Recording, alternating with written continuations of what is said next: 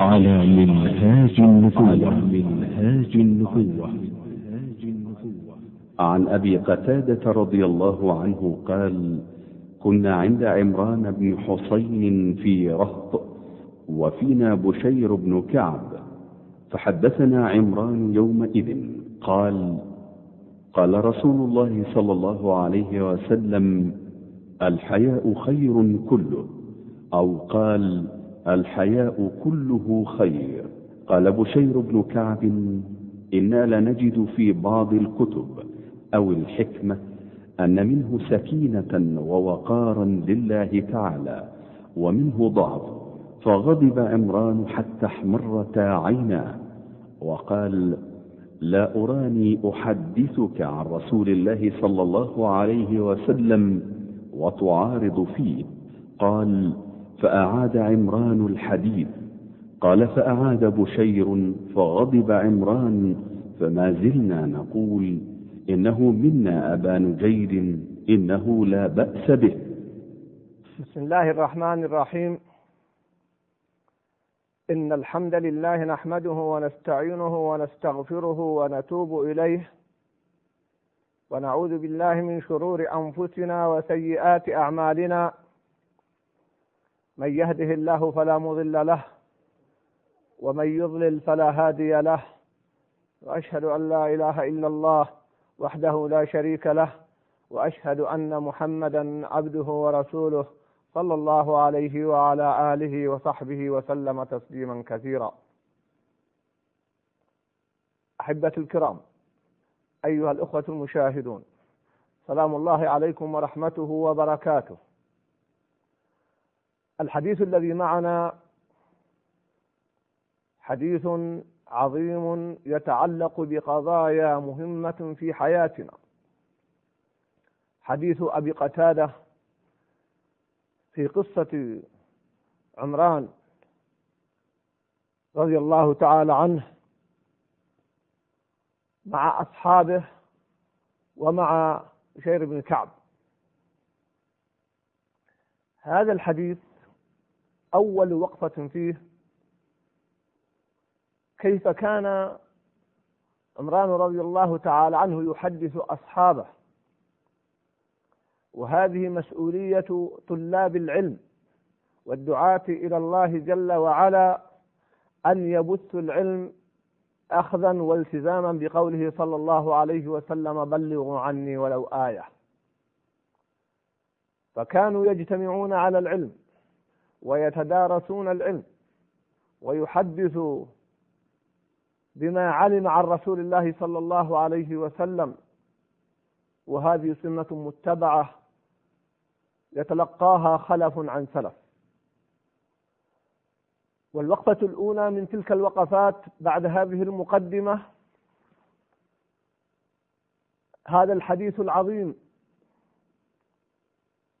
الحياء خير كله أو كله خير. هكذا حدث عمران رضي الله تعالى عنه عن رسول الله صلى الله عليه وسلم وهو حديث عظيم يحتاج أن نقف معه وقفة تناسب الحال. الحياء خير كله أو كله خير. ونعلم أن كل من أقوى صيغ العموم. اذا فلا يستثنى أي شيء يوصف بالحياء فنقول إنه ليس من الخير. وهنا يأتي سؤال. بعض الناس قد يرى منكرا فلا يغيره. فتقول له يا أخي الكريم لماذا لم تغير هذا المنكر؟ فيقول لك استحييت. كيف نجمع بين هذه اللفظة الدارجة وبين هذا الحديث إن الحياء خير كله الحياء كله خير. الحقيقة لا مجال للجمع ولا للمقارنة. فهذا كلام الصادق المصدوق صلى الله عليه وسلم. الحياء خير كله أو كله خير. وهذا فهم الناس وهو فهم خاطئ. حيث يضيفون إلى الحياء أشياء ليست منه. فترك الأمر بالمعروف أو ترك النهي عن المنكر أو ترك بيان الأخطاء بحجة الحياء هذا تقول على الحياء وفهم خاطئ للحياء فليس من الحياء في شيء. ولذلك هنا جاء استدراك بشير بن سعد ابن كعب عندما قال إنا نقرأ في بعض إنا لنجد في بعض الكتب أو الحكمة أن منه سكينة أن منه سكينة ووقار لله تعالى لله تعالى. ومنه ضعف.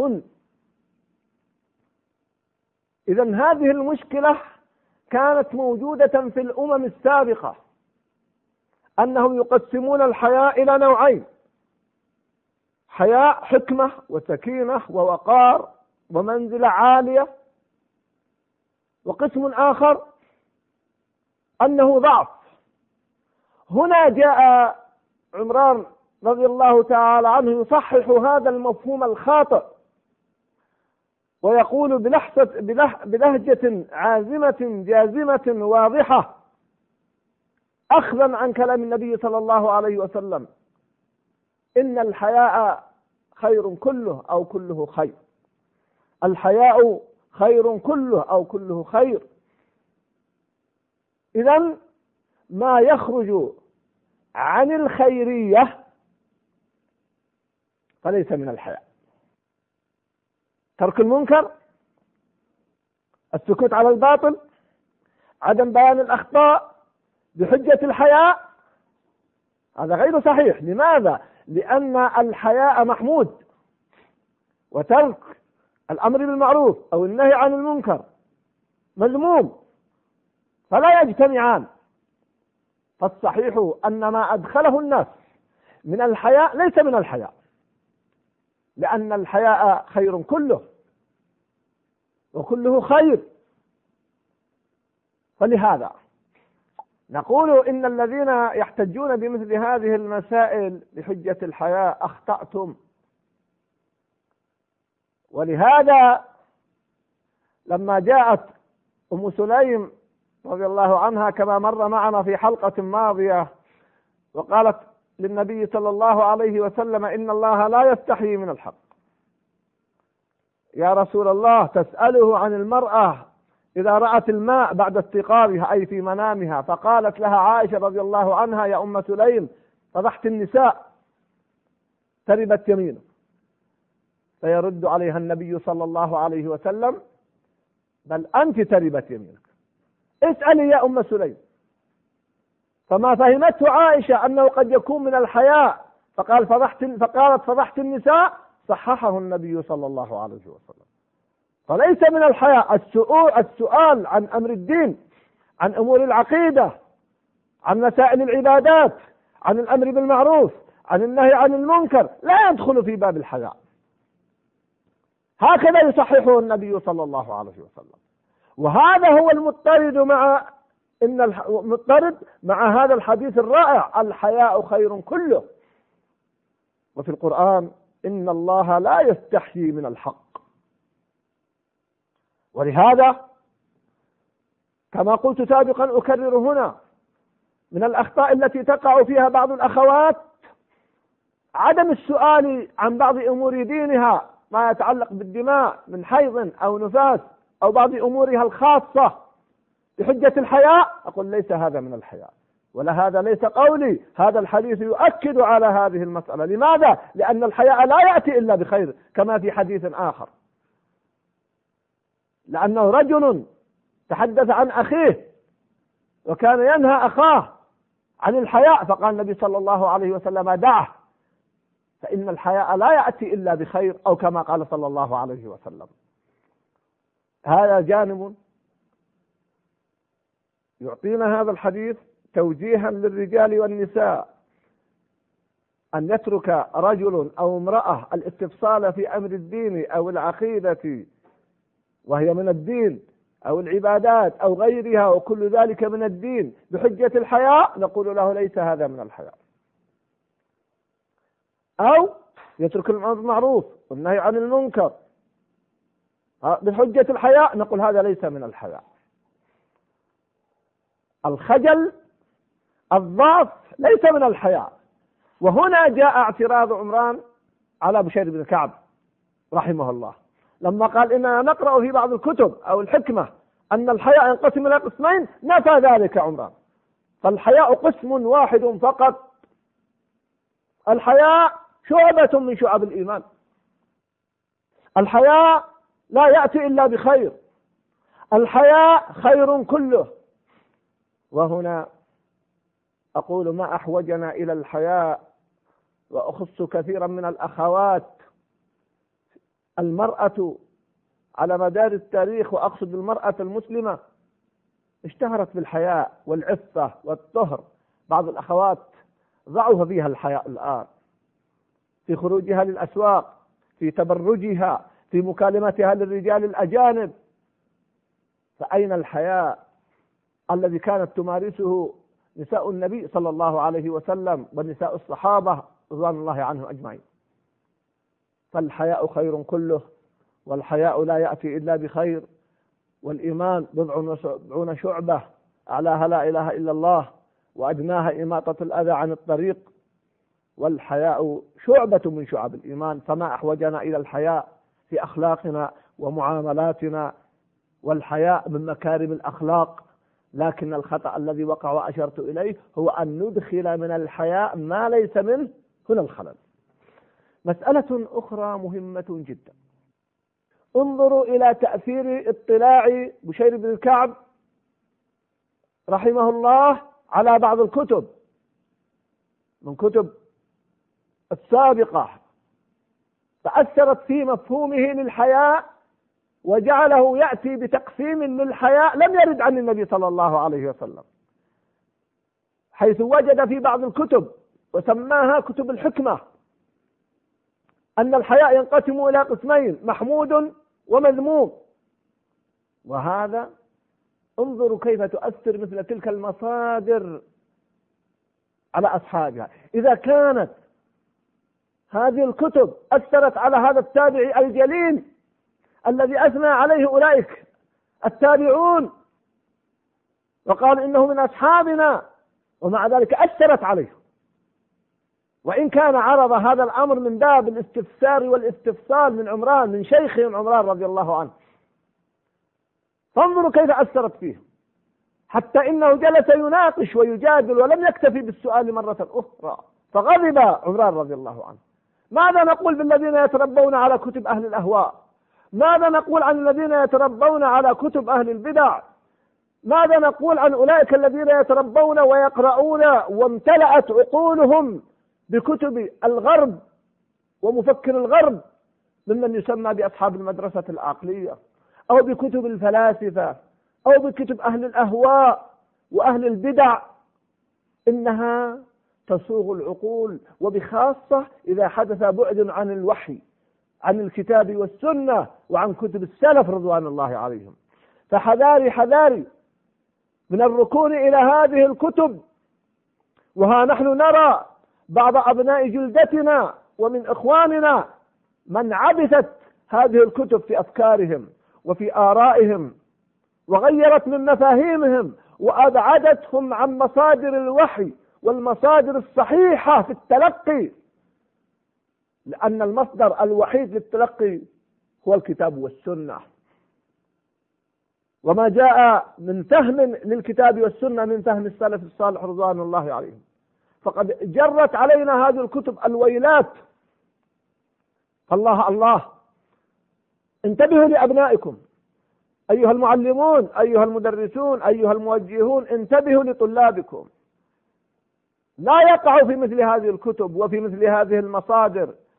جنبوهم بعض ما يكتب في بعض وسائل الإعلام مما يؤثر في تفكيرهم وآرائهم حتى لا يضلوا وحتى لا ينحرفوا. وقد رأينا مثل هذا الضلال وهذا الانحراف في واقعنا. واللهم سلم سلم. وقفة مهمة جدا في هذا الحديث. انظروا إلى الجدل الذي حدث. فعمران رضي الله عنه يحدث عن رسول الله صلى الله عليه وسلم وبشير مع فضله ومكانته ومنزلته يجادل. وهنا يبين خطورة الجدل. الجدل داء عضال إذا كان بغير الحق. الله جل وعلا يأمرنا بمجادلة أهل الكتاب بالتي هي أحسن ولا تجادلوا أهل الكتاب إلا بالتي هي أحسن.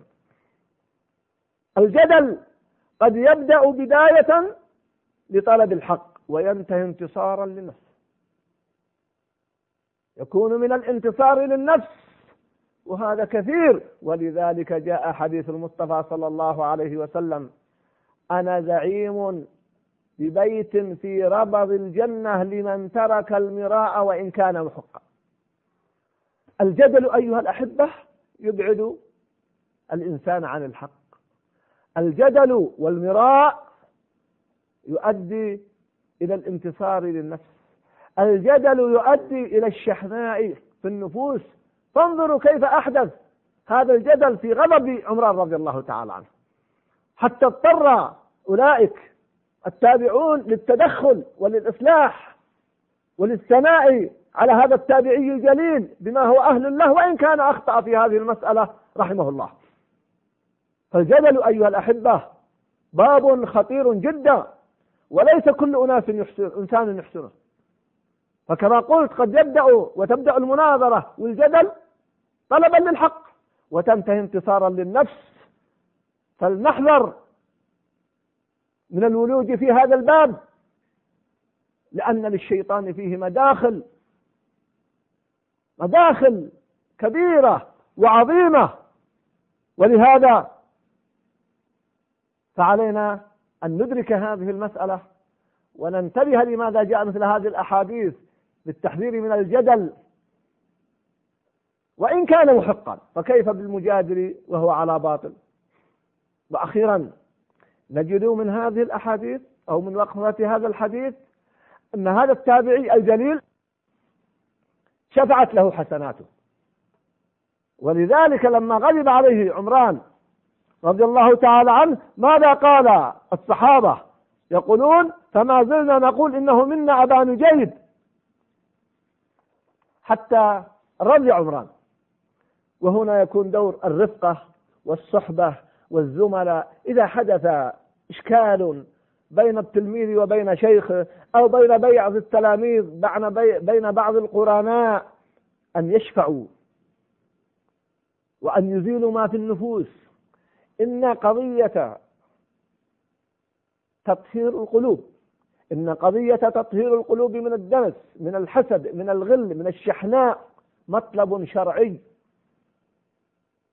إن سلامة القلوب منهج من منهاج النبوة لأنه لن يدخل الجنة إلا من جاء ربه بقلب سليم. وإبراهيم عليه السلام أتى ربه بقلب سليم مع المناقشة مع الجدل مع الحسد. يزيد تبدأ الشحناء وتبدأ الضغائن وقد تحدث القطيعة ويحدث الخلاف. إذا وقع خطأ منا أو من بعضنا للضعف البشري فعلينا وعلى الآخرين أن يبادروا لإصلاح ذات البين أن يبادروا لإزالة السوء التفاهم قبل أن يستفحل هكذا فعل هؤلاء من الأخيار من التابعين. بينما حدث من هذا التابعي مع هذا الصحابي الجليل بهذا تسلم النفوس ويستقيم المنهج ونأخذ بمنهج محمد صلى الله عليه وسلم. هذا الحديث حديث عظيم. آمل أن يكون فيما أشرت إليه بهذه الدقائق ما يكون محل اعتبار وفائدة. أسأل الله أن يجعلنا وإياكم من المقتدين بمحمد صلى الله عليه وسلم.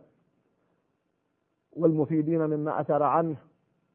والسلام عليكم ورحمة الله وبركاته.